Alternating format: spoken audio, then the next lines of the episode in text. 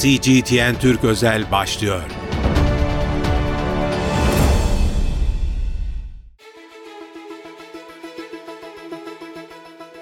CGTN Türk özel yayınından merhaba ben İlkay Akkaya. Gündemimizde ekonomideki gelişmeler var. Stüdyoda konuğum var. Ekonomi yazarı Recep Erçin. Recep Bey hoş geldiniz. Hoş bulduk Sayın Akkaya. iyi yayınlar. Teşekkür ediyorum. Ee, evet ekonomi adeta bütün e, merkezimize oturdu buradaki gelişmeler ve çok da hızlı akıyor buradaki gündem. E, dolayısıyla neler oluyor, neler bitiyor e, sıkı takip gerektiriyor. Yarın da 2024 yılının enflasyon beklentileri açıklanacak. Merkez Bankası Başkanı değişti bu süre zarfında. Türkiye'nin son enflasyon rakamları açıklandı derken baş döndürücü gelişmeler var. Bunları sizinle yorumlayalım istiyorum. Yarın açıklanacak rapordan başlayacak olursak nasıl bir tahmin bekleniyor burada? Evet. Yıllık tahmin değişir mi? Buradan başlayalım mı? Ee, tabii başkan değişiminin gelmesi biraz açıkçası gündemi farklı bir boyuta itti. Bekleniyordu, bekliyorduk açıkçası ama çok da böyle yazıp çizmiyorduk hani para politikasına halel gelmesin diye. Malum e, seçimden sonra izlenen enflasyon beklentilerini çıpalamaya yönelik e, politikalar e, halere gelmesin diye birçok ekonomi yazarı da aslında belli dedikoduları e, yazmaktan imtina etti. Şimdi e, mevcut başkan, eski başkan daha doğrusu kalmış olsaydı Gaye Hanım, e, tabii yarın e, Ankara'da yapılacak toplantıda bir takım sorulacak sorular olacaktı. Hı hı. İşte bu soruların en önemlisinde Hürriyet Gazetesi'nde yayınlanan Ahmet Hakan röportajına yönelik olacaktı. Onun dışında yine e, Hafize Gaye Arkan'ın babası Erol Bey'in Merkez Bankası'ndaki ne gibi pozisyonu görevi olduğuna yönelik olacaktı. Veya diğer dedikodular işte kovulması vesaire. Dolayısıyla e, bu sefer e, maalesef Türkiye'nin enflasyon beklentilerini çıpalama e, da en önemli e, unsuru olan e, enflasyon raporu gölgede kalmış olacaktı ve enflasyon raporunun etkisiz etkinsizleşecekti. Hı hı. Dolayısıyla orada e, Gaye Hanım da herhalde burada bir kendinden feragatta bulundu. E, Mehmet Şimşek ve Sayın Cumhurbaşkanı da o yönde anladığımız kadarıyla e, görüşleri oldu. Görevden ayrıldı ve yerine başkan yardımcılarından Fatih Kara. Yarınki rapora gelmeden önce bu işin magazin kısmı gibi duruyor ama hepimizi etkileyen bir mesele aslında bu Hafıza Gaye Erkan'la ilgili ortaya atılan iddialar. Ne oldu orada? Yani iddiaların tabii e, e, şimdi hani büyük kısmının gerçek olduğunu söyleyebilirim. Neye dayanarak söyleyebilirim? E, zaten bu iddialar Ekim-Kasım aylarından bu yana finans çevrelerinde konuşuluyordu. Hı hı. Bankacılık çevrelerinden konuşuluyordu. Nitekim e, Taylan Büyükşahin e, gazeteci bu konuda kendi internet sitesinde bir yazı kalem aldı baba ile ilgili. Evet. Baba Merkez Bankası. Oradan sonra odaklar oraya çevrildi. Çünkü e, ama ilk işaret işi tabii e, Ahmet Hakan röportajıyla geldi. İşte ailemin yanında yaşıyorum. Deyince tabii medya biliyorsunuz hani e, özellikle merkez medyada. Hatta hani, üzüldük Merkez Bankası Başkanı bile kiralıdan şikayet ediyor evet. diye. e tabii sonra ev kirası yardım aldı, kendi apartmanları oldu, daha sonra işte villasının oldu vesaire gibi şeyler ortaya çıkınca biraz iş magazinel boyuta döndü. Yani genelde e, bürokrasi kesiminde mesela Cevdet Yılmaz bugün nedir? Cumhurbaşkanı yardımcısı değil mi? Evet. Eski bürokrat aynı zamanda siyasetçi olması hasebiyle. Cevdet Bey ile ilgili yani bugün elinin altında Cevdet Bey'in bütün medya mensupları tanır, severler. Ankara bürokrasisi, Ankara Ankara medyası. E bugün Cevdet Bey ile ilgili bir tane ailesiyle ilgili, eşiyle, çocuğuyla ilgili bir şey duyduk mu? Duymadık. Evet. E, Mehmet Bey, hakikaten Mehmet Şimşek yani yıllardan beri bakanlık yapıyor, gitti geldi falan. E, böyle ailesiyle, çocuklarıyla ilgili çok fazla bir şey duyulmaz hani. Nerede yaşıyor, ne yapıyor filan. E, Sayın Cumhurbaşkanı'nın bile hani ailesi tabii Bilal Bey tanınıyor çocuklar filan ama böyle çok hani atıyorum çok böyle magazinel işte ben şurada oturuyorum burada oturuyorum filan gibi. Çok böyle hani işte arada böyle demeç veriyor işte manda yoğurdu yiyorum işte. O da vatandaş hani sağlıklı beslenme konusunda böyle magazinel bir takım. Sonuçta merak ediliyor. Ki, ki ülkenin cumhurbaşkanı ama özellikle hani siyasetçiler bazında bile bu kadar e, yakın bir e, Hani o vardır ya paparazilerde hani e, işte şok evini televolleri açtı falan gibi şey. İşte öyle bir hadise oldu Ki orada. bugünlere kadar aslında son belki de 6-7 yıl öncesine kadar Merkez Bankası Başkanı'nın ismini bile bilmezdik biz. Tabii, Tabii ekonomideki e, dalgalanmalardan Hı. dolayı artık çok yakından takip ettiğimiz için öğrendik bunları hepimiz ama şimdi artık işler farklı boyutlarda öğrenilmeye Tabii, başladı. Şöyle bir noktaya geldik ki 2008 küresel finansal kriziyle beraber maalesef özellikle o zaman da e, FED Başkanı Bernanke görevdeydi. E, merkez bankalarına çok fazla görev yüklenmeye başladı. Sanki merkez bankaları bütün ekonomiyi yönetiyormuş. Parasallaşmayla beraber dünyada neoliberal akımlarla beraber 80 sonrası ve 2000 sonrası da tabii bu geldi getirdi. Bu finansallaşmayla beraber ve türev piyasalarla tabii merkez bankaların etkinliği çok yükseldi. O doğru. Ama sanki merkez bankaların elinde çu- sihirli çubuk var, değnek var. Her şeyi bunlar yapıyor, çeviriyor gibi de bir hal oldu. Dolayısıyla Merkez Bankası başkanları da biraz böyle e, hem kurtarıcı hem de işte günah keçisi ilan edilebilir hale geldiler maalesef. Türkiye'de de biraz onu gördük. İşte Erdem Başçı dönemi. İşte e, biliyorsunuz o Çok sık faiz demişti, koridorları evet. meseleleri. Erdem Bey gitti, Murat Çetinkaya geldi ki ben çok severdim kendisini. E, çok hakikaten bir poker face dediğimiz merkez bankacı gibi merkez bankacıydı. İyi de bir iletişim ekibi vardı Murat Çetinkaya'nın. E, o e, tabii gitti. e, sonra Murat Uysal geldi. Murat Uysal tabii böyle çok merkez bankacı gibi değildi. Biraz şeydi ama onda, onun da böyle diyaloğu çok yumuşaktı açıkçası. Hı hı. Yani ben e, sohbet etme fırsatı da buldum hakikaten. E, sonra bir ara dönem oldu tabii. E, Naci Bey geldi, Naci Abal. Hani bakanlıktan tanıyoruz, bürokrasiden tanıyoruz mesela. Naci Abal'ın da mesela ailesiyle ilgili bir şeyler hiç konuşulmamıştır. Ki O kadar hani güçlü de bir isimdir. Naci Bey tabii talihsiz bir şekilde bir görev değişimi oldu. Sonra Şahap Bey geldi. İlk başta böyle Şahap Bey aman bu mu falan filan böyle bir siyasetçi zaten. E, Naci Bey de siyasetçi gibi şeyler oldu tartışmalar. Sonra ben Şahap Bey'in böyle bir iki konuşması, verdiği mesajlara filan bakınca yani belki çizginin dışında bir Merkez Bankası Başkanı'ydı söylemler itibariyle ama kurumsallık anlamında hakikaten bir Merkez Bankacı gibiydi. Yani bakın e, zaten Peki 30 bu dünyada nasıl bu işler? Bu kadar çok Merkez Bankası de- başkanı değişiyor mu? Yani değişir. Yani dünyada hani şimdi Amerika'da değişmez tabii çünkü orada başka kurumlar. Evet. Avrupa'da değişmez ama hani daha böyle e, piyasası oturmamış, daha Gelişmekte kurumsal oturmamış, ülkelerde. gelişmekte olan ülkelerde yaşanabilen şeyler tabii. Ama Hı. hani ama çok krizli ülkelerde olur bunlar. E, olmamasını arzu ederiz tabii ki. Yani e, çünkü önemli olan Merkez Bankası Başkanı'nın değişmesi değil Türk ül- ülkelerde. Politikaların sürekli değişmesi. Yani ekonomi e, genelde stabilite arar. Dinginlik arar, durgunluk Evet. arar. Yani mesela bugün işte bugün CGTN'deyiz, Çin Radyosu diyoruz. Hı hı. Çin'de mesela sabahtan akşam politika değişmez. Çin'in bugün yatırımcılara güven sağlıyor olmasının nedeni, Çin'in bugün gelişiyor olmasının nedeni, bütün kitaplarda bunu okup şey yapıyoruz. E, e, politika devamlılığı. Hakeza Amerika. Yani Amerika'da da birçok e, Trump'la biraz oynamalar falan oldu ama orada da belli politikaların devamlılığı esas. Yani ekonomi biraz politika devamlılığı. Sabahtan akşama regülasyonun olmadığı, düzenlemenin gelmediği, e, düşük faiz politikası götürürken birden dümen kırıp hadi biz yüksek faiz politikası yapacağız da geçilmediği, e, sıcak parayla büyürken birden sıcak para istemiyoruz denmeyeceği. Yani hepsinin bu dengede gittiği ve e, ekonomik aktör, ekonominin aktörlerine e, bizleriz onlar. İş dünyası, sizler bizler alışveriş yapıyoruz, Hı harcamalar yapıyoruz, işte kira ödüyoruz filan. Hep bunları biz ekonomiyi oluşturan biziz aslında Evet. bakınca. E, ama ekonomi oluşturan bir de kamu tarafı var. Kamunun yaptığı harcamalar, kamunun aldığı kararlar, inisiyatifler bunlar da belirliyor ve yönlendirici oluyor. E, kamunun orada daha öngörülebilir e, olması haliyle e, ekonomilerin büyümesinde en önemli etken. Peki yarın ne olacak? Bu yıllık Şimdi bek- enflasyon gelmeden beklentisi evvel değişecek? Şahap Bey sonrasında işte e, değişti politikalar. Gaye Hanım geldi. Daha ortodoks politika e, savunucusu gibi gösterildi. İşte Mehmet Şimşek'le beraber Amerika vesaire. Ona biraz şöyle bir rol biçildi. Türkiye para getirecek. Hani yatırım bankacılarında falan çalışmış ya. Şimdi Merkez Bankası başkanlarına bir kere böyle bir görev biçilemez. Hatta Amerika'da kaldığı sürede para arıyor dendi değil İşte mi? o çok saçma yani. Zaten böyle bir misyon e, yüklenmesi, e, bir Merkez Bankası Başkanı'nın böyle bir e, mesaj veriyor olması da. Mesela hakkında dedikodular çıkınca öyle bir Twitter'da mesaj yayınladı. Hani üstü kapalı ben burada zaten yatırımcılar görüşüp para arıyorum gibi. Evet. Bu zaten işi bitiren nokta oldu bence. Yani her şey bir yana çünkü Merkez Bankası Başkanı'nın görevi o değildir. Merkez o yatırım ajansı vardır Cumhurbaşkanlığının, Hazine Bakanlığı vardır. Hazine Bakanlığı çıkartır yapar işleri filan. Merkez Bankası orada içeride finansal istikrar ve fiyat istikrarı sağlaması hususunda elindeki araçlarla bunu sağlamaya, o yatırımcılara o güveni vermeye gider. Anlatır da böyle politika Tam izliyoruz tersi para diye. arıyorum deyince Tabii o o mesajı hani tam o lafı etmedi ama işte Hı hı. mesela daha önce de mecliste yaptığı aslında iyi niyetliydik kadın. Hani ben Gaye Hanım'a bir şey diyemem. iyi niyetli yaptığı bir şey ama maalesef e, merkez bankacılığı başka bir dil.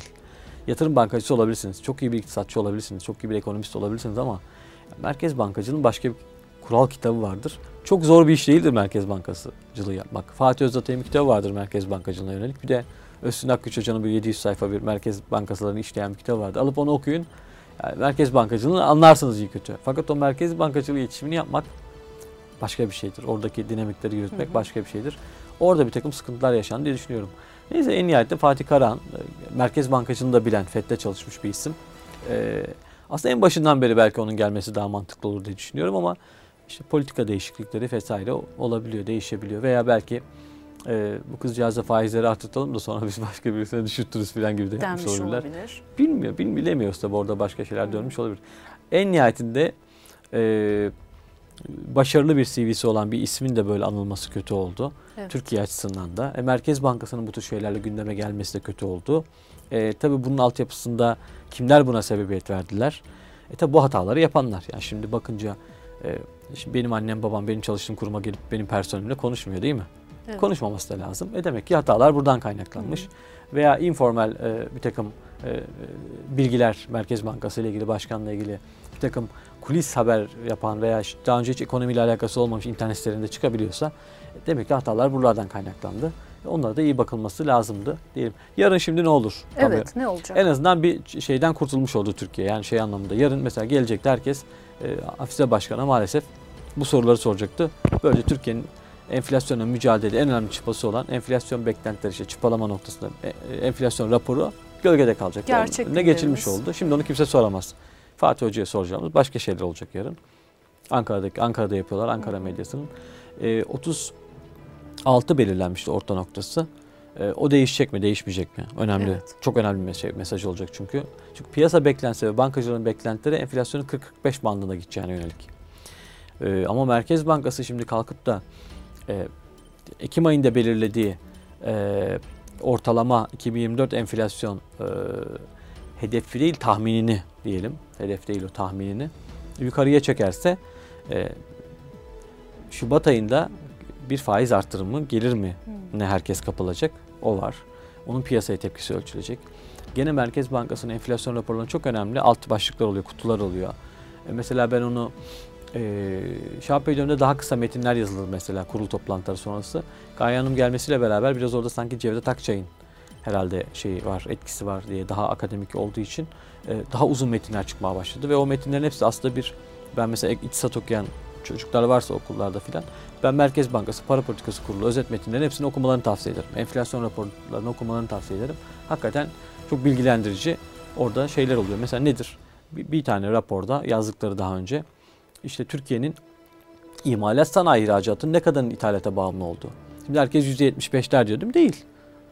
%45'ler civarında Hmm. gerçek anlamda. İşte orada şey bir takım kalemleri falan şey yapınca imalat sanayi üzerinde baktığınızda ezberden konuşuluyor mesela. Ha, belli gruplar itibariyle plastik sektörü vesaire bakarsak değişir. Ama genel totalde baktığımızda paçalda farklı bir şey ortaya çıkıyor. Bunun mesela bu tür e, kutular oluyor işte KKM'nin etkisini göreceğiz. E, KKM'nin etkisi nedir? Para aktarım mekanizması onlara konuşulabilir yarın.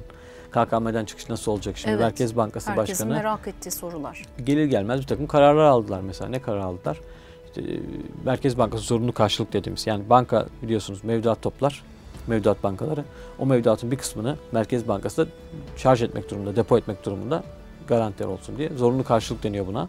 E, o zorunlu karşılıklara da Merkez Bankası para ödemezdi. Şimdi para ödüyor mesela faiz ödüyor. E, bankalar orada fonlamış oluyor. E, bunu niye yapıyor? Tırnak içerisinde. Hı hı. Çünkü mevduat faiz, çünkü faiz artırım politikası ile beraber mevduat faizleri çok hızlı arttı. Krediler biliyorsunuz daha geriden geliyor. E Şimdi Türkiye'de mevduatların ortalaması 3 ay aşağı yukarı 3 ay 6 ay. Evet. Sen 3 ay 6 aya %45 faiz veriyorsun diyelim. 50'ye çıkan da oldu. Ama kredileri daha evvelden vermişsin. Kaçtan vermişsin? %30'dan vermişsin, 25'ten vermişsin. Şey döneminde. Şimdi geçen Hı hı. sene faizler kaç? Çok düşüktü. 16-17'den Düşüktü, krediler evet. bağlandı. Hadi 25 diyelim. Ama 24 ay bağlandı, 12 ay bağlandı krediler. Bunların geri dönüşümleri daha yeni yeni olacak şimdi. Haziranda falan olacak. Dolayısıyla o bankaların o kar marjını da e, tutturmak gerekiyor. E, hem bankalar kar etsin biraz oradan vergi alalım biliyorsun. Hı hı. 25-30'a falan çıkardılar. Ondan sonra hem banka bilançoları sağlam dursun. Çünkü uluslararası yatırımcılar burada varlar ve banka sermayeleri çok büyük. Yani şimdi bugün bankacılık karı 600 milyar TL ama 20 milyar dolar. Yani 20 milyar dolar çok para değil. Değil evet. E, Rusya'da 30-35 milyar dolar yani Türkiye baktığında. E, sanayinin karına bakalım daha yüksek. Ortaya koyulan sermaye ile elde edilen kar oranına baktığımız zaman bankacılar hani totalde büyük görünse de oransal anlamda aslında öyle büyük karlar etmiyorlar. Onlara onlar açısından söylüyorum bunu. E tabi E, yetmemiş olacak ki diyorlar. İşte biraz da faiz indirildi filan. Şey faiz zorunlu karşılıklara da faiz verildi filan. Orada biraz tabii amaç da e, sen mevduata yönlendir vatandaşı. Ama mevduat topladıkça tabii elinde tabii şey birikiyor senin de haliyle. E, Bank, kar marjın azalıyor. Çünkü kredilerin gelecek dönüşü geç oluyor filan. E bir de şimdi kredi sıkılaşmasına gidiliyor. Bu, bu faizlerden kimse kredi almak istemez kolay kolay. Evet. Orada da pazar duruluyor. E, bankalar çok zora düşmesinler diye Merkez Bankası orada onlara bir kolaylık tanımış oluyor böylece. Biraz hem de e, TL mevduatlara daha yüksek faiz verilsin de vatandaş oraya geçsin diye. KKM'ler bozulsun, dövizler bozulsun, altınlar bozulsun, biraz yastık altı çıksın, devam etsin vesaire diye. Çünkü TL'nin değerini artırmanızın şeyi Peki bu tabloda e, nasıl çıkacak bu yastık altındakiler? Zaten hep yastık altındakini çıkaralım diye e, bu kur korumalılar e, aslında biraz organize edildi, icat edildi. Yani- E şimdi bu e, dolara, dövize yatırmayan altına gidiyor herkes. Altında çünkü yine bir rekorlar kırılıyor. evet. Yani, yine yastık altı da olmadı mı? Yani altında tabii şöyle bir vaziyet var şimdi. Ons fiyatı 2000'lerin üzerine geldi. Evet. Orada tutunuyor. Bizde dolar kuru mesela şimdi baktım biraz evvel yayından önce. Ekim'de 26'nın altındaydı mesela dolar TL. E Şimdi 30'lara 31'e doğru gidiyor mesela. E, biraz gidecek herhalde ufak ufak. E, 35-40'lar konuşuluyor bu yıl için. Mesela yıl sonu için 40 deniyor. E, ne yapar? %30'luk bir artış yapar yıl genelinde. O da enflasyonun altında bir artış der ama aslında bir getiri sağlamamış olur sana baktığın zaman. E, borsa da bir yandan ufak ufak yükseliyor. Borsa rekor kırdı yine. Birçok iş Evet. yaşamıştı biliyorsun. E, Bekliyorduk seçim öncesi dolar, borsanın artacağını hepimiz bekliyorduk. Ben hatta biraz daha mütevazı gider diye bekliyordum ama rekorla geldi. Ee, Birçok çatlamalı patlamalı bir hadise olmazsa e, hani bunu e, genel dünyada da ülkemizde de filan e, hatta başkan değişikliğine borsa çok olumlu tepki verdi daha ilk günler filan Evet. mesela bakarsanız. E, herhalde orada e, doların artmasıyla beraber biliyorsunuz işte altını şeyden sordum diye söylüyorum.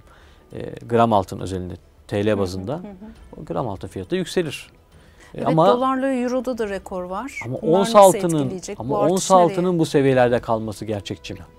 Hı hı. Şimdi bir savaş riski söz konusu değilse bunu da hani kendim söylemiyorum. Hani altın piyasası uzmanı değilim. Geçenlerde Ali Ağoğlu ekonomist bir söyleşi yaptık. Evet. Ondan sonra o onun ondan aktararak söylemiş olayım. Ali Hoca'nın söylediği yani bir savaş riski çok gündeme gelmezse belli bir süre e, biraz altında normalleşme olur ons tarafında ama. Yani bizde de o sırada dolar yükseleceği için e, o da onu biraz törpüler. Herhalde gram altın fiyatları çok hani altın fiyatları çok Türkiye'de TL bazında çok oynamaz gibi geliyor bana. Hani böyle bir majör bir oynama olmaz aşağı yukarı. Şimdi yastık altını çıkarma meselesi başka bir durum. E çünkü yastık altındaki altınlar veya döviz birikimlerin hesaplanması da ben birazcık sanki abukluk var diye düşünüyorum. E çünkü niye abukluk var? E, Türkiye işte 25 milyar dolar altın ithalat ediyor. Yaptığı ihracata bakıyorsunuz 6-7 milyar dolar mücevher ihracatı. Ama bu sadece mücevher ihracatına ibaret değil Türkiye. E, turistlerin yanında gelen harcamalar var, takı harcamaları. Alıp adam yanında götürüyor vesaire. E, bu altın bir şekilde dışarı çıkıyor belli bir kısmı. Bir kısmı Merkez Bankası'nda depo ediliyor. Şöyle oluyor, böyle oluyor falan filan derken aslında e, Burak Yakın'ın söylediği, Mücevher İhracatçıları Birliği Başkanı'nın söylediği e, herhalde bir 10-12 milyar dolarlık bir hacim var orada. Geri kalan yarısı neredeyi tabii konuşabiliriz. Yani geri kalan yarısında nerede olduğu belli zaten. Gene bir yerlerde birikiyor. Yıllar, yıllara sayede hesaplıyorlar bunu işte şeyler filan. Ama hiç altın çıkmamış gibi kabul ediliyor orada. İşte diyorlar ki 300 milyar dolarlık altın var. Bence o kadar yok. Ama e, herhalde 100 milyar dolardan aşağıda değildir tahmini. E, ama bunların da önemli bir kısmı işte kulağımızdaki küpe, parmağımızdaki yüzük, Evet. işte babaannemizin bilmem nesi, dedemizinden kalan bilmem ne hatıra falan filan işte. işte kadınların kollarındaki bilezikler biliyorsunuz zaman çeyiz e, şeyidir, bilmem nesidir ço- çocuğuna, kızına. E, o işte kimisinin kefen parasıdır bu işte yavrum bu benim kefen paramdır filan tutulur. E, Bunlar da büyük bir hacim aslında bakınca. Ben bir benim düşündüm. Ya şimdi tek tek her her hanede vardır böyle. Her hanede böyle şey. Kimisi de mesela gram altın fiziki biriktirir. Geleneksel bir şey. Çok fazla. Götürüp koymuyor yani Evet. bankaya onu.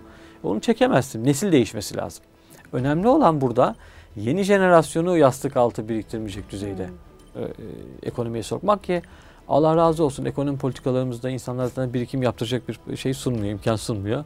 E, sürekli kartlara çalışıyoruz. Evet sürekli aynen böyle öyle. Yeni dönemler. jenerasyonun ben para biriktirebildiğini Evet, düşünmüyorum maalesef zaten. böyle bir, Kirayı e, ödesinler yeter. Tabii kiraya ödesin yeter. Ev almayı bile düşünemiyor insanlar. Orada sosyal bir adaletsizlik durumu söz konusu. Ben mesela Merkez Bankası'nın, Merkezin Güncesi diye bir şey vardır.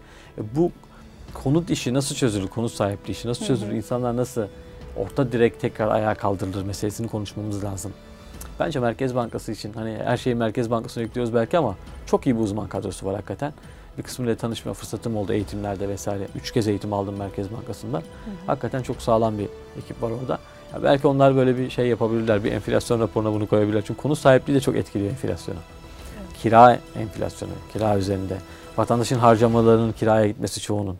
Genel giderlere, barınmaya gitmesi vesaire de e, enflasyon eğilimlerini etkileyen bir husus. E bir de geçen de konuşmuştuk yani bu e, asgari ücretliler ülkesi haline dönüşmemiz işte siz de işaret ettiğiniz orta direğin e, orta sınıfın bir şekliyle e, neredeyse yok oluşa gitmesi falan. Mesela- Zaten yani Tabii, tabii. asgari ücretle geçinen bir kişi e, nereye birikim yapacak da nasıl e, alacak? Kiralar zaten enflasyon e, şeylerini geçmiş durumda. Ben Türkiye'de asgari ücret politikasına karşıyım yani.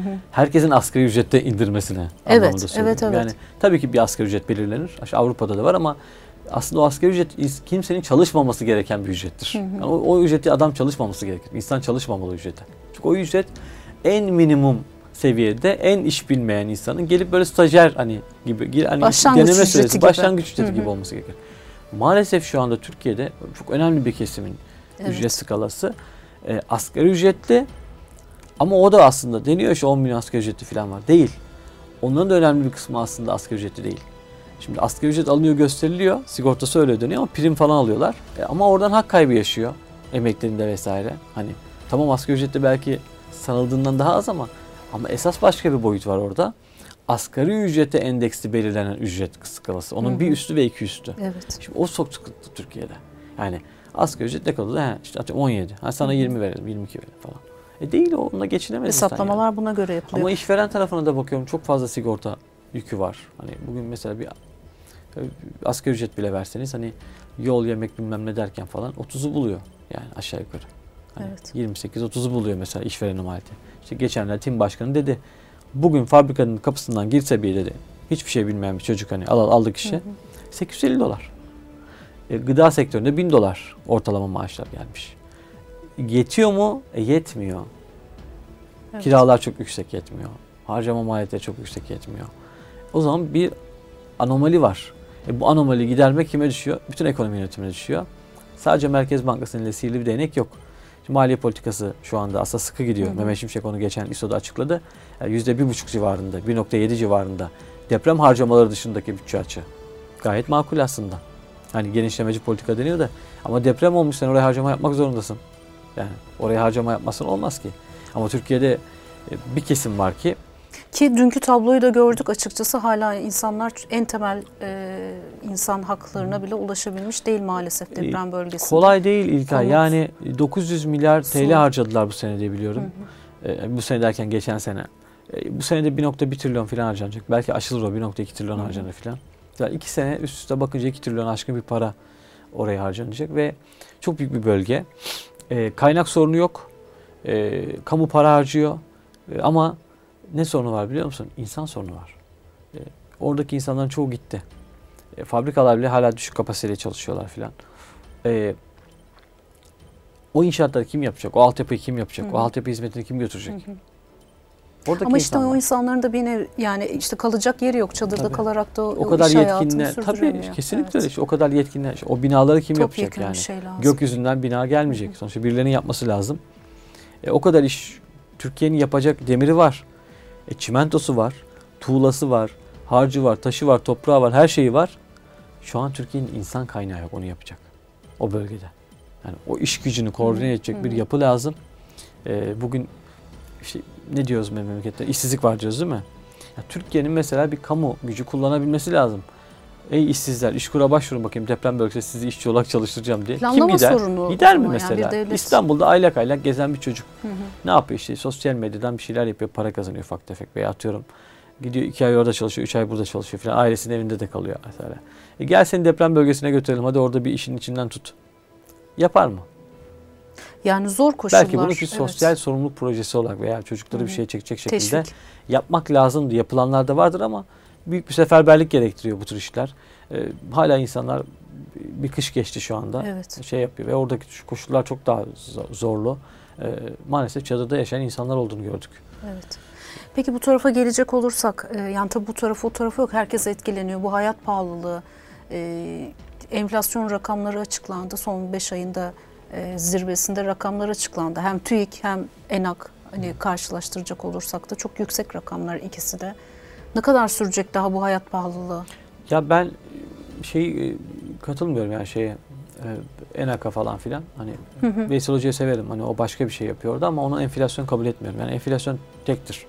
Onu da kamu açıklar, TÜİK açıklar. Hani Eurostat açıklar işte Avrupa'da filan da. Enflasyon çünkü bir sepettir. Hayat pahalı ile enflasyon arasındaki fark orada. Hani e, senin sepetinle benim alışveriş sepetim farklı. Yani e, çünkü benim Bu telefon tarafa da o sepette hiçbir şey yok gibi eleştiriler de var TÜİK'in Ya- sepetinde. yanlış tabii. Dün bir Yok, alkol etkilen, etkilendiğini gördük hatta Ha, TÜİK'in sepetine. Bir şeyler Her şey ekleniyor var galiba. ya. Çünkü sepetine işte eski şeye girerseniz. Şimdi açıklamıyorlar çünkü o Evet e, Erhan Bey döneminde. Çünkü çok e, spekülasyona sebebiyet verdi. Şimdi Hı hı. ben sordum onu TÜİK Başkanı'na. Ya Recep Bey dedi. Türkiye'de kaç çeşit domates var dedi. Envai çeşit domates var dedim. Şimdi biz o bütün domateslerin fiyatlarını alıyoruz dedi ortalama. Bir fiyat belirleyip hani vatandaşın en çok aldığı, en çok satılan domatesi belirlemeye çalışıyoruz dedi. Belirliyoruz dedi. Onun ortalama fiyatını alıyoruz dedi. Çünkü vatandaş dedi gidip bilmem ne pembe domatesini, bilmem neyin domatesini vermiyor 80-90 lira. En Ama bir de sokağın enflasyonu var. Onu ne yapacağız peki? İşte oraya geliyorum yani. evet. Onu alıp koyuyoruz dedi. Çünkü vatan çünkü onu ölçüyoruz dedi hane halkı anketlerinde vesaire. Ona göre belirliyoruz dedi. Ee, süpermarketlerden 10 bin tane noktadan şey alıyorlar. Fiyat alıyorlar şimdi. Kasalardan alıyorlar bizzat fiyatları. Ee, ona göre belirliyoruz dedi. E şimdi ben dün mesela gittim makarna aldım mesela. 170 lira makarna. Evet. Ama ne İtalyan bilmem ne bilmem ne makarnası tamam mı? Ama e, 50 liraya da makarna vardı.